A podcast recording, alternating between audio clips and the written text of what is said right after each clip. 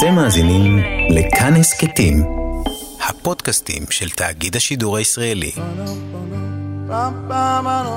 כל ישראל, אוצרות הארכיון. מי יודע? סדרת תוכניות על מקורם וגלגוליהם של שירים עבריים, ערוכה ומוגשת בידי אליהו הכהן.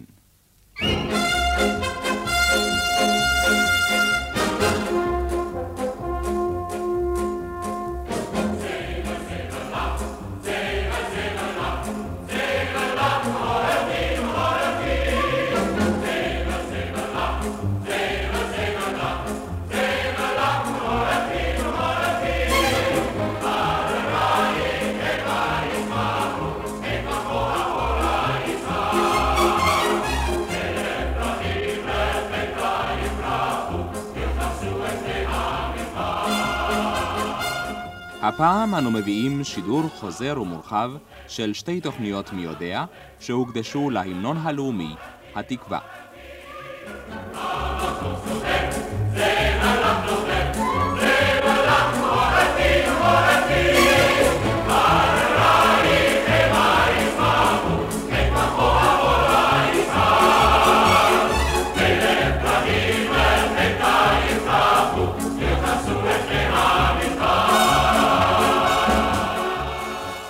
שלא כרגיל, נקדיש הפעם את תוכניתנו לא לנושא, אלא לשיר עברי אחד ויחיד. שיר שהוא מראשוני השירים העבריים, ואולי הראשון שבהם, שמילותיו חוברו בארץ ישראל במאה הקודמת. השיר העברי המושר ביותר בארץ ובעולם. השיר העברי היחיד המושמע בקביעות מדי יום ביומו מעל גלי האתר. ולמרות כל זאת, השיר העברי היותר מושר הוא הפחות מוכר. מעטים האנשים בישראל היודעים לשיר אותו בשלמותו, מתחילתו ועד סופו, ובודדים הם היודעים אותו בנוסחתו המקורית. ועוד פחות מאלה יודעים כיצד בא שיר זה לעולם, ומהיכן נתגלגלה לו נעימתו. שיר חידה אפוף מסתורין זה אינו אלא המנונה הלאומי של ישראל, התקווה.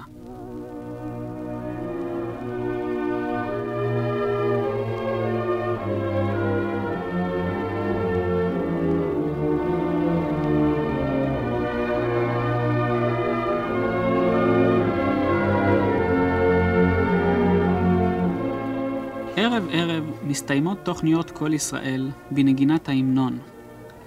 ואתה המאזין, ייתכן שאתה משתהה ומאזין לו עד סופו, או שמתוך שגרה אתה משתיק את המקלט כבר בתחילה. אולם כך או כך, האם לא שאלת את עצמך פעם ופעמיים, מדוע בעצם נבחר דווקא שיר זה להיות להמנון לאומי? והאם בכלל נבחר? ומי חיבר את המילים והמנגינה? ומתי והיכן? בתוכניתנו הקודמת ביקשנו את המאזינים שיש להם תשובות לשאלות אלו לכתוב אלינו. ואכן קיבלנו עשרות מכתבים, וכמעט כולם זהים בתוכנם ובמסקנתם. את המילים להתקווה חיבר המשורר אימבר, והמנגינה שאולה מתוך הפואמה מולדבה מאת סמטנה. ובכן, האם מסקנה זאת כל כך מובנת מאליה, או אולי יש עוד מה לספר ולחדש בשאלת מקורו וגלגוליו של המנוננו.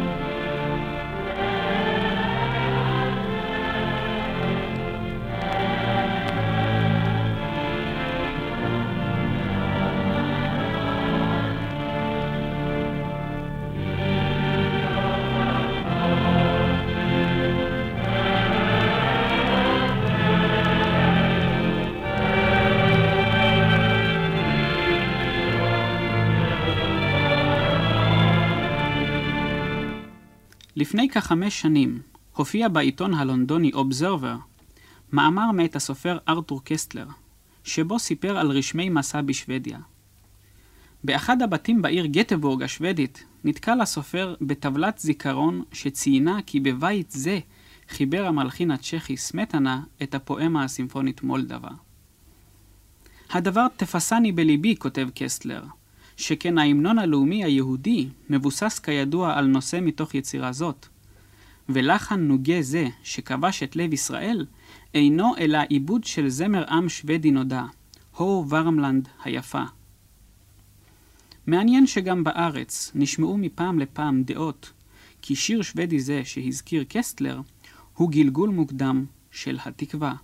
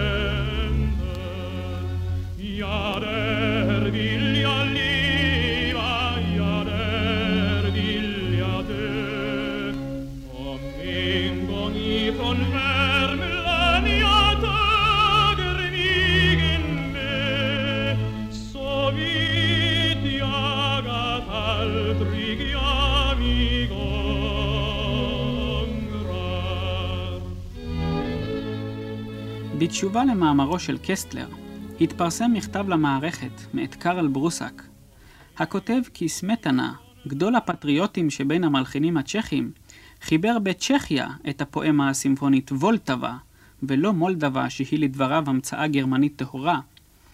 ועצם הלחן, מקורו לא שוודי, אלא שיר ילדים עממי צ'כי בשם "זוחלת חתולה מבעד לחור". כעבור ימים אחדים, הצטרף לוויכוח טורנטון דארט, איש קמברידג', הכותב משפטים קולעים שכדאי לזכור אותם לא רק בהקשר להתקווה. זמר עם הוא כציפור נודדת, והעובדה שקולה נשמע במקום פלוני, עדיין איננה ראיה כי אכן זהו כאן הולדתה. מאוד ייתכן כי סמטנה קנה לו במשיכה לפני כמאה שנה את הנושא של המולדבה מגטבורג השוודית או מבוהמיה. אך לא שוודיה ולא צ'כיה ולא ישראל, יש להן זכות חזקה על נושא זה של סמטנה. שכן איוולת היא לחמוד זמר עם, ממש כשם שאיוולת היא לחמוד ציפור דרור. לדברי דארט, קדם נושא זה לסמטנה ב-200 שנה, ומקורו כנראה באיטליה בסוף המאה ה-17, ומשם המריא הרחק מעבר לגבולות ארצות ועמים.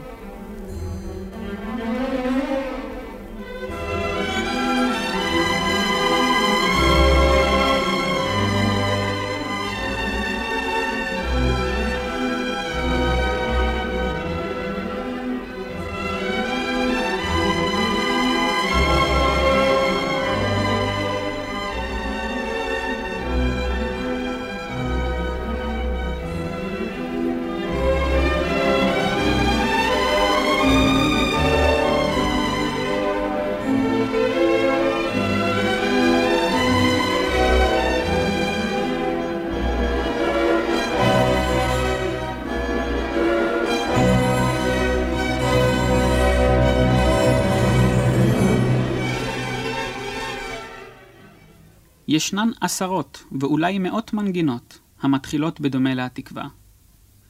חוקרי מוזיקה אחדים קיבצו את המנגינות הללו, ובספרו המוזיקה בישראל מביא דוקטור גרדנביץ 12 דוגמאות של מנגינות אלו, ביניהן תפילת יגדל אלוהים חי בנוסח יהודי רומא.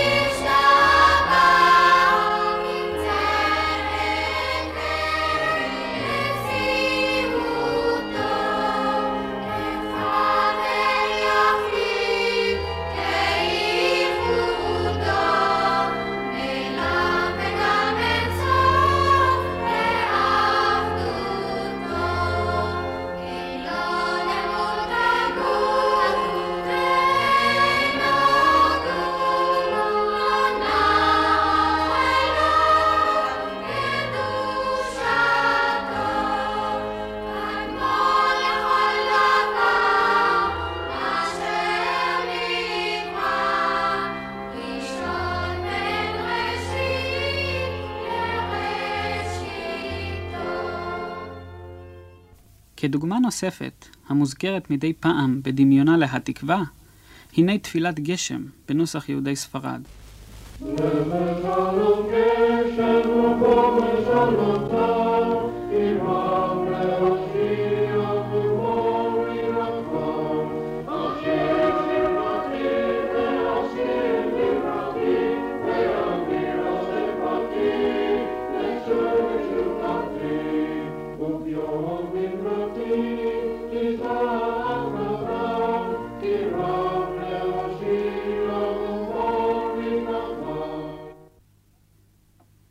ניסיון נוסף להציג את גלגולה של התקווה, שמענו לא מכבר מפי זמר הפולקלור האמריקאי פיט סיגר, המשמיע סדרה של נושאים הנובעים כביכול זה מתוך זה, והמתגלגלים בסופו של דבר לנעימת התקווה.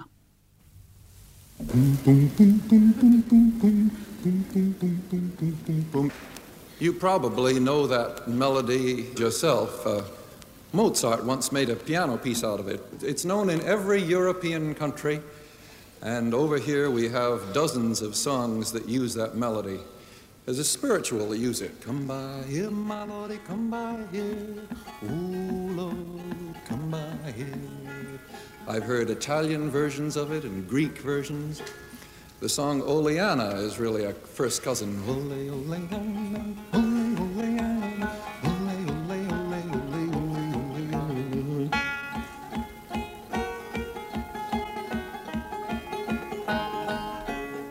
friend of mine whose parents came from Sweden says they dance the hamba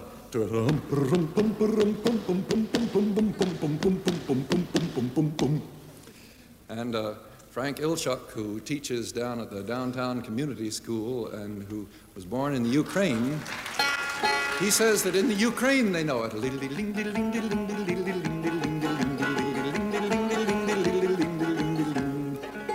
If you slow that down, you'll recognize the melody.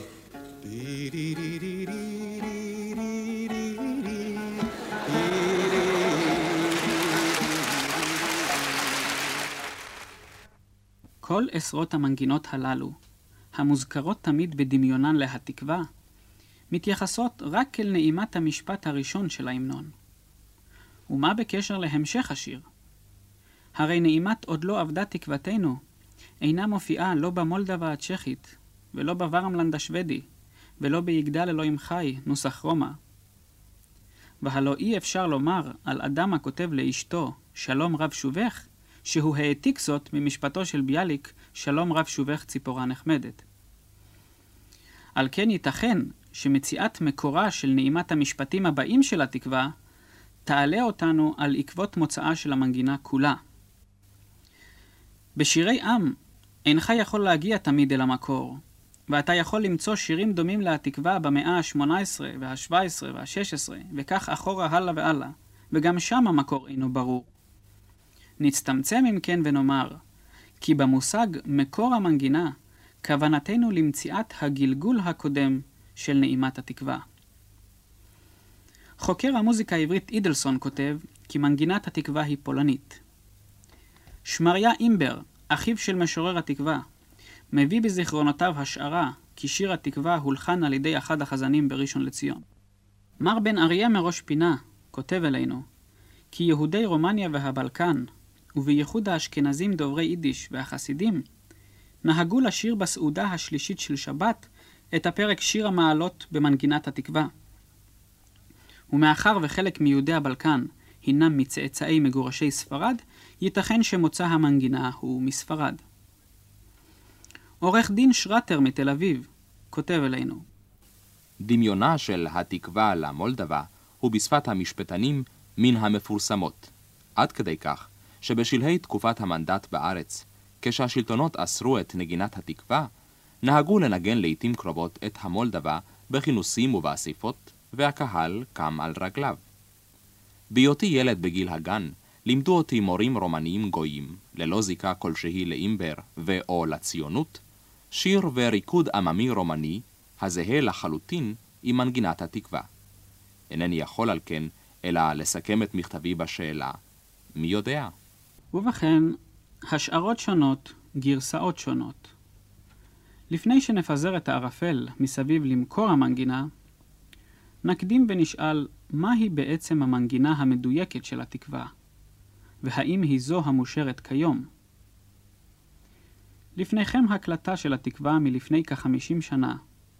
אפשר שזוהי אחת ההקלטות הראשונות של המנוננו. תנו דעתכם על השינויים שחלו במרוצת הימים, גם במילים וגם במנגינה.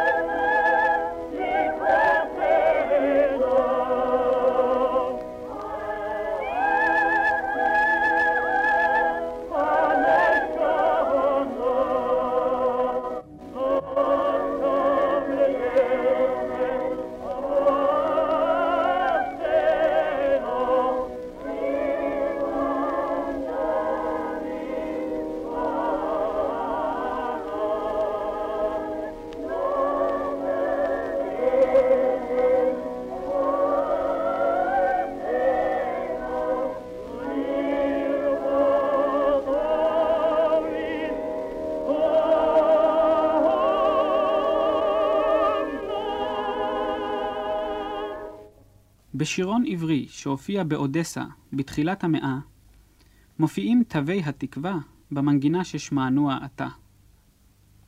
המעניין הוא שהשינויים שחלו במרוצת 60 השנים האחרונות בהתקווה לא הגיעו כנראה לברית המועצות.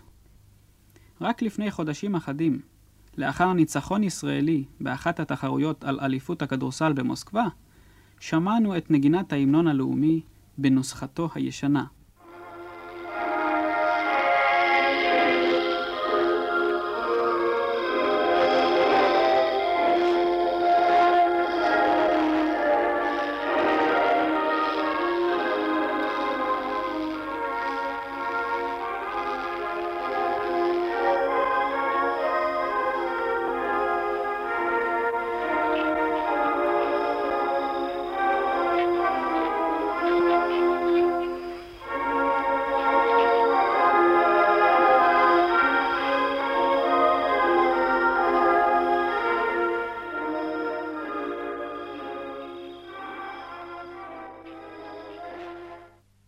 את התשובה הקולעת לגלגולה הקודם של נעימת התקווה, מביאה גלויתו של משה קרני מראשון לציון.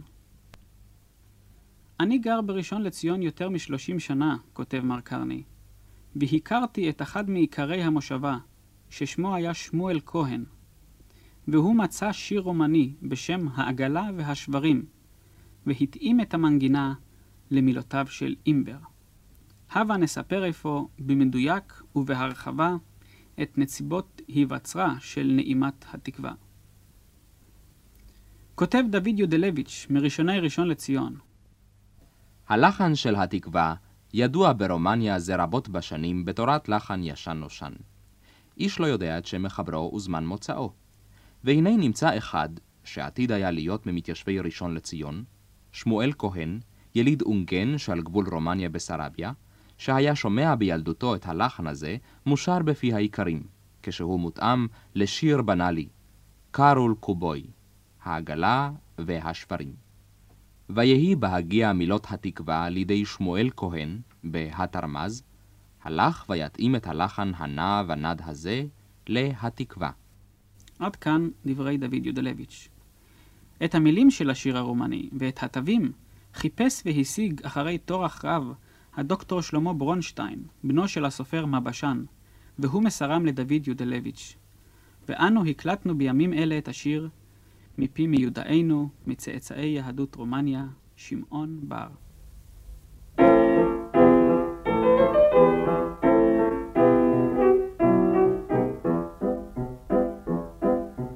Până ce electricitate, căi ferate și vapori Încă nu erau aflate, mergeau toate fără zor, Căci bătrânii erau moi, își mânau carul cu boi, Hăișcea, hăișcea, hăișcea, hăișcea, hăișcea, hăișcea, hăișcea, hăișcea. Azi zburăm pe căi ferate, prin vagoane unde sate, sosind cu capetele sparte, nemâncați și degerați, decât cu atâtea nevoi, mai bine cu car cu boi. Hăișcea, hăișcea, hăișcea, hăișcea, hăișcea, hăișcea, hăișcea, hăișcea. ובכן, בשינויים קלים, ואולי גם באווירה קצת שונה, זוהי מנגינת התקווה. וזוהי המנגינה היחידה היכולה להיחשב כגלגולה הקודם של נעימת התקווה. קודם כל משום שהיא אינה דומה רק בפתיחה, אלא היא כוללת את כל שני הבתים המושרים של התקווה. ושנית, ישנן עדויות מפורשות ומוסמכות על התאמתה של נעימה ספציפית זאת להתקווה. ומאשרים זאת בזיכרונותיהם, נוסף לדוד יודלביץ', גם הסופר משה סמילנסקי, ומי שהיה מאחרוני הבילויים, מנשה מאירוביץ'. כותב בזיכרונותיו שמואל כהן בשנת תרמז, 1887, עשה אחי הגדול ממני, צבי, ניסיון לזרוע חיטים באדמת המושבה ייסוד המעלה. בימים ההם נמצא בראש פינה המשורר נפתלי הרץ אימבר. הוא נתן לאחי את קובץ שיריו ברקאי, עם כתובת חמה למזכרת, ואחי שלח לי את החוברת הזאת לגולה. מכל השירים מצא חן בעיניי שיר התקווה. במולדתי, רומניה, רגילים היינו לשיר במקהלה את השיר הרומני חייסצ'ה, שהוא קריאת זירוז לשברים בשעת החרישה. בבואי לראשון לציון, בשנת תרמ"ח, והנה אין שרים את התקווה, כמו שלא שרו את שאר השירים של ברקאי. והחילותי אני לשיר את התקווה על פי המנגינה הזרה שידעתי. זו המושרה כיום בכל תפוצות ישראל. תחילה לא זכו לא השיר ולא המנגינה לתשומת לב. לא עלה על דעתנו לעשות את התקווה להמנון הלאומי שלנו. לפי הרגשתנו הציונית, ראוי היה השיר משמר הירדן לאותו הכבוד. ואכן צעירינו ביקשו לעשות השיר משמר הירדן להמנון הלאומי. וכשבא אלינו המנהיג זאב טיומקין, קידמנו את פניו בשיר משמר הירדן.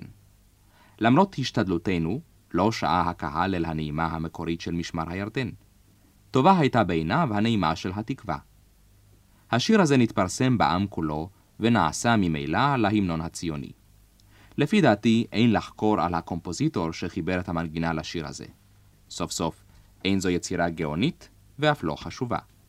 רק זה חשוב, כי ההמון שלנו בחר בהתקווה ובנעימתה. ויורשה לי להגיד כי פעם בפעם מדי השתתפי באספות, ושיר התקווה מושר באופן רשמי, עולה על ליבי זכר השיר הזה כשהוא שר ראשונה. ואני חושב את עצמי למאושר, כי זכיתי להיות ראשון השרים את שיר התקווה.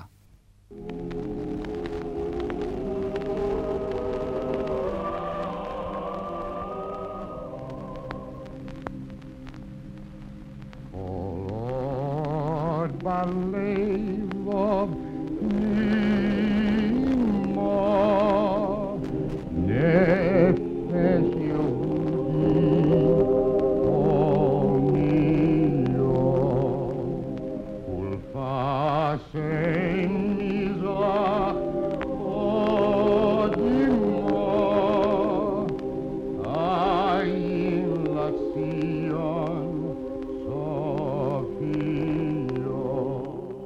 הקול הוא קולו של הזמר היהודי-אמריקאי המנוח אל ג'ולסון.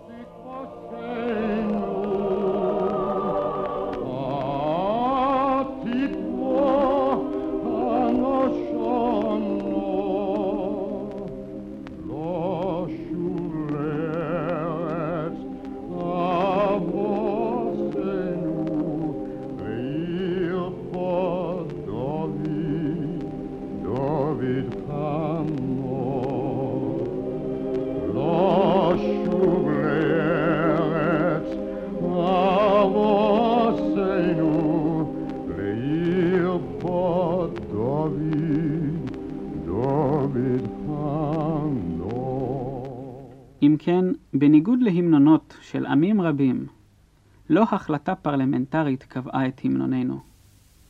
התקווה הייתה תחילה להמנון לאומי בלתי רשמי, ורק מאוחר יותר, כשהושרה כבר בפי כל כהמנון, קיבלה את ההסמכה הרשמית לתואר המנון. בזה דומה התקווה לאחותה הוותיקה ממנה, למרסלייזה הצרפתית. גם המרסלייזה הושרה תחילה בפי כל כשיר המנון, ורק אחרי כן נקבע תואר זה באופן רשמי. לו הייתה כאן שאלה של בחירה, ייתכן מאוד שהתקווה לא הייתה נבחרת כלל כהמנון. אודוסישקין קבל בשעתו על רפיונה המוזיקלי, ובוודאי עשוי היה מקורה הלועזי להיות לה לרועץ. אך בדיוק באותה מידה, גם המרסלייזה עלולה הייתה לא להתקבל כהמנון, לו היה הדבר מובא להחלטת פרלמנט. שהרי היא חוברה בתקופת המהפכה הצרפתית על ידי קצין מחסידי בית המלוכה, רוז'ה דלל, וקצין זה סירב להישבע אמונים לממשלה החדשה, וכבר עמד לעלות לגרדום בשל כך, עד שמת בעוני זקן ושבע רוגז. קביעתם של שני השירים הללו למדרגת המנונות נעשתה באופן ספונטני על ידי דעת הקהל, נכון יותר על ידי רגש הקהל, וחוש עממי זה הוא שהעלה את התקווה למדרגת המנון.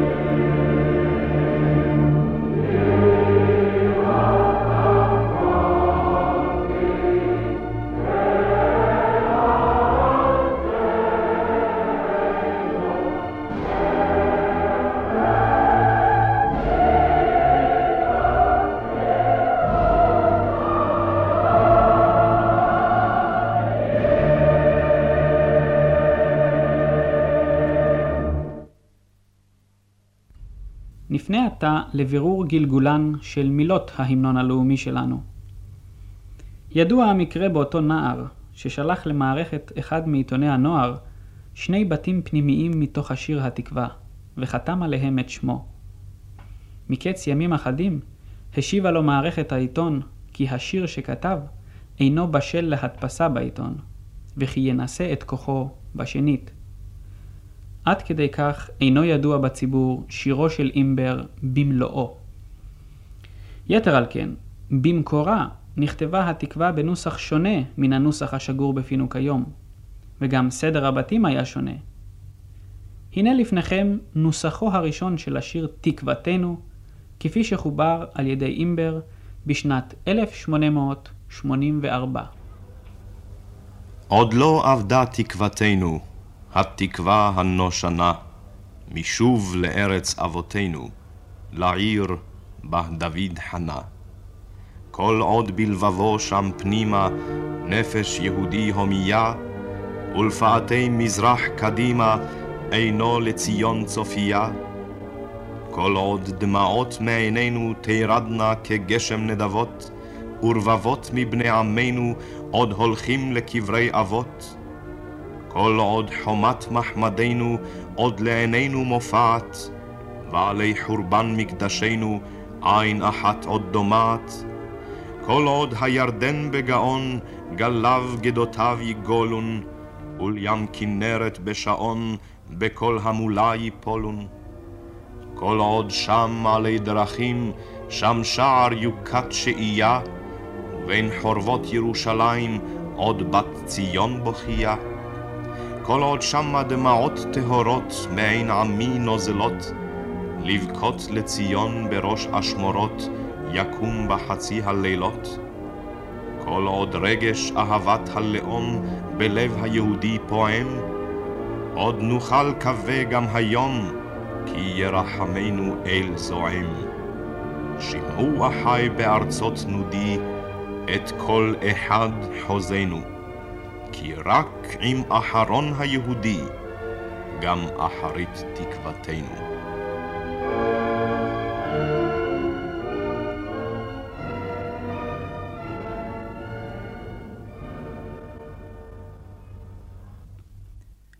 אנו מגיעים עתה אל שאלה מאוד רגישה. האם הושפע נפתלי הרץ אימבר, בעת כתיבת התקווה, מיצירה כלשהי עברית או לועזית? והאם חובר אי פעם שיר הדומה בצורתו או בתוכנו להתקווה? בשנת 1884, השנה שבה חיבר אימבר את התקווה, פרסם הסופר פרץ סמולנסקין בירחונו השחר מאמר בשם משפט עמי, שעורר הדים רבים בעולם היהודי באותם הימים. פרק מיוחד במאמר זה של סמולנסקין דן בתקוות יישוב ארץ ישראל, ורעיון התקווה, ובפרט המילה תקווה, חוזרים בו שוב ושוב פעמים רבות. לפי השערתו של הפרופסור יוסף קלוזנר, השפיע מאמר זה על אימבר בכתיבת התקווה.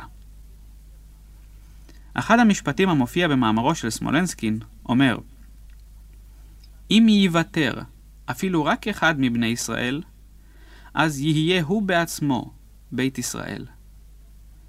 רעיון דומה למשפט זה מופיע בבית האחרון של התקווה. כי רק עם אחרון היהודי, גם אחרית תקוותנו. מאלפת יותר היא השערה אחרת שעליה עמד הפרופסור דוב סדן. יחד עם השיר התקווה, חיבר אימבר שיר שני בשם משמר הירדן. גם בשיר התקווה מוזכר נהר הירדן.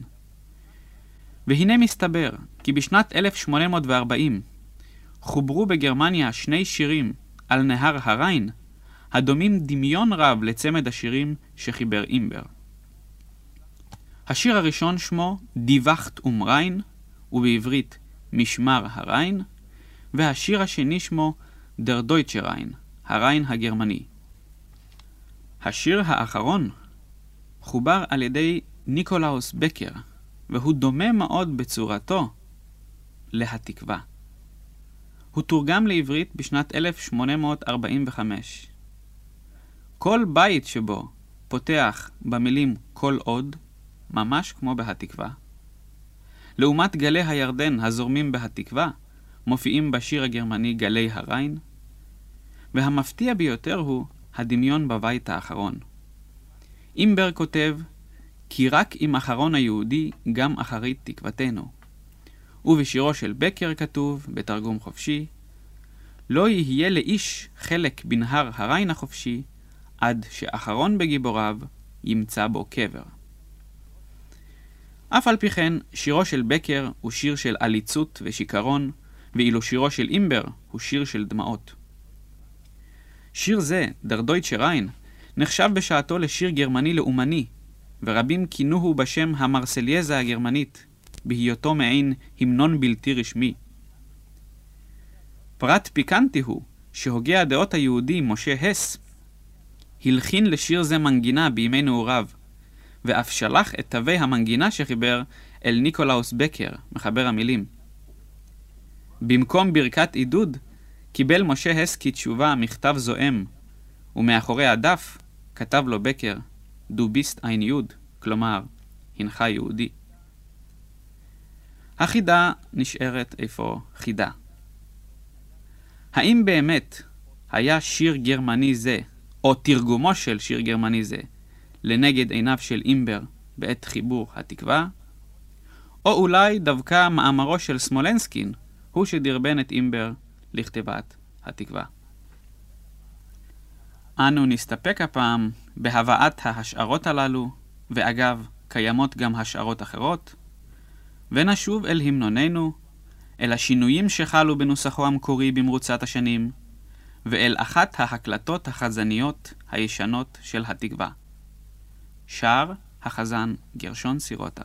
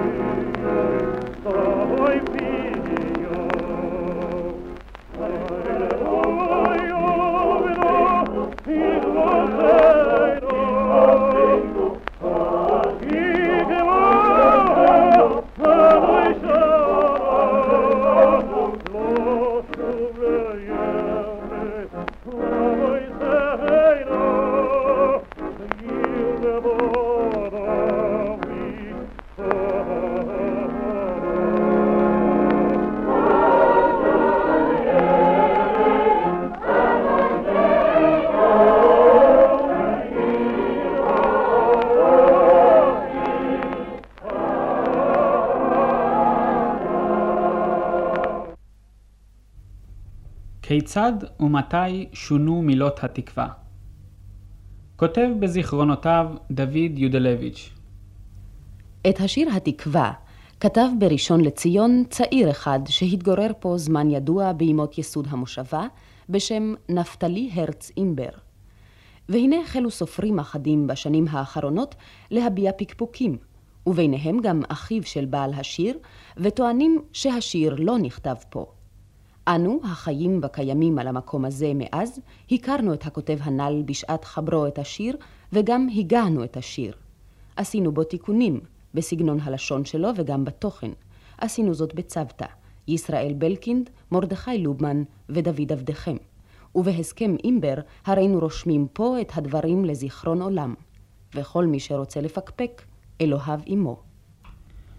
אם כן, הרי זו עדות כי עוד בימי חייו של אימבר, ובהסכמתו, שונו ועובדו פה ושם מילות התקווה על ידי צוות אנשי ציבור. המשפט "כל עוד בלבבו שם פנימה" הפך ל"כל עוד בלבב פנימה", והקטע "אינו לציון צופיה" הפך ל"עין לציון צופיה", ועוד שינויים קלים דומים. אך את השינוי העיקרי בנוסח ההמנון ביצע מאוחר יותר, בשנת 1905, הדוקטור יהודה לייב מטמון כהן, מי שהיה מייסד הגימנסיה העברית הראשונה ביפו. והפעם שונה ההמנון ללא בקשת הסכמתו של אימבר.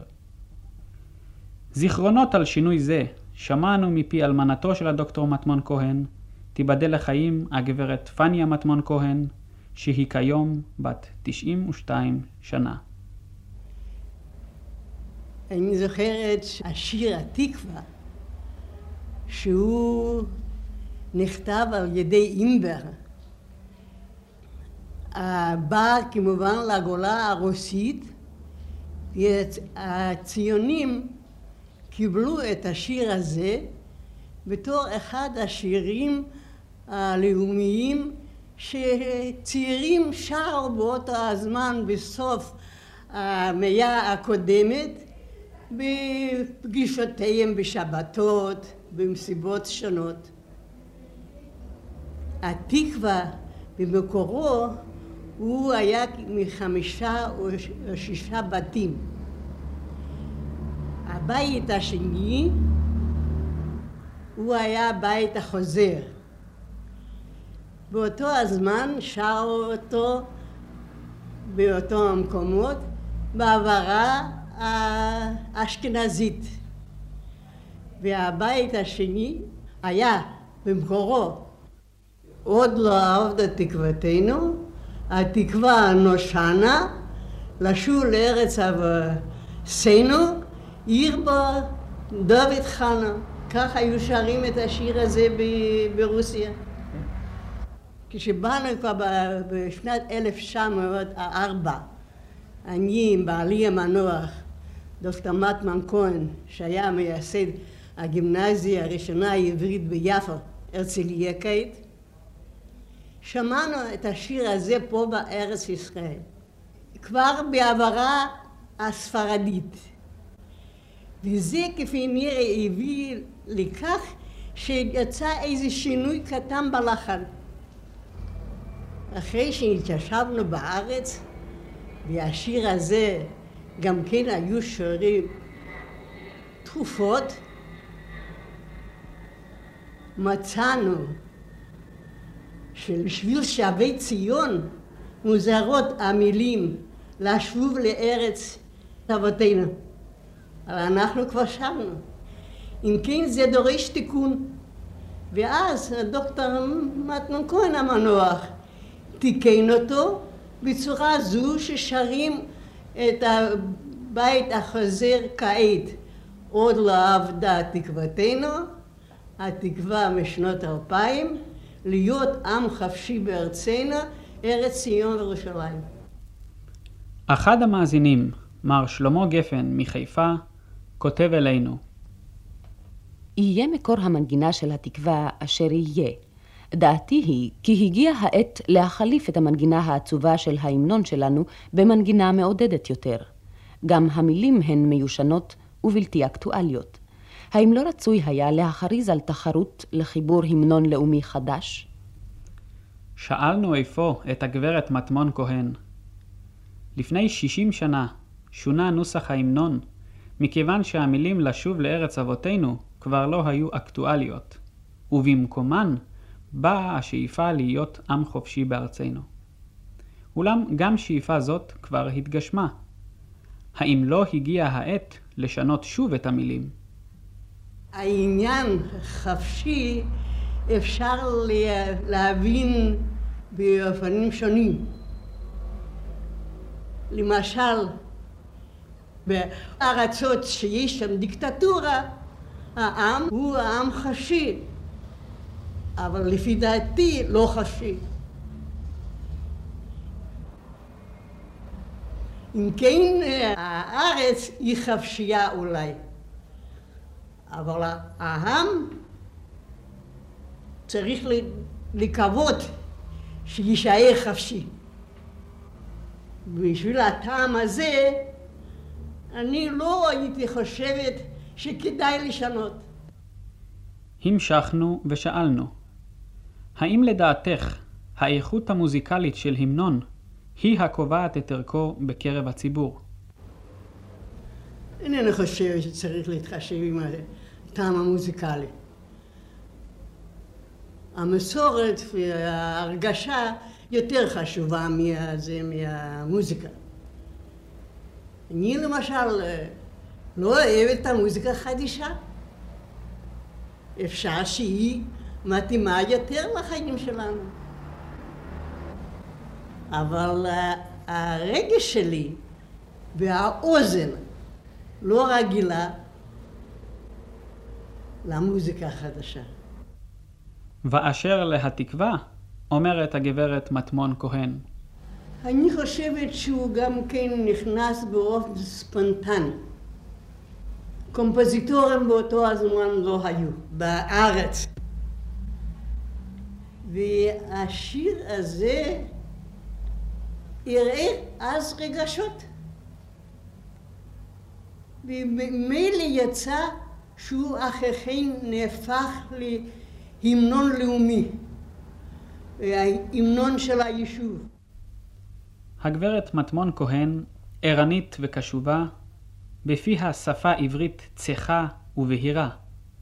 כי זאת לזכור, הגברת מטמון כהן הייתה מנהלת בית ספר לאומי ציוני באודסה, שביאליק היה אחד המורים בו. ובסוף המאה ה-19 היא ניהלה את גן הילדים העברי הראשון באודסה.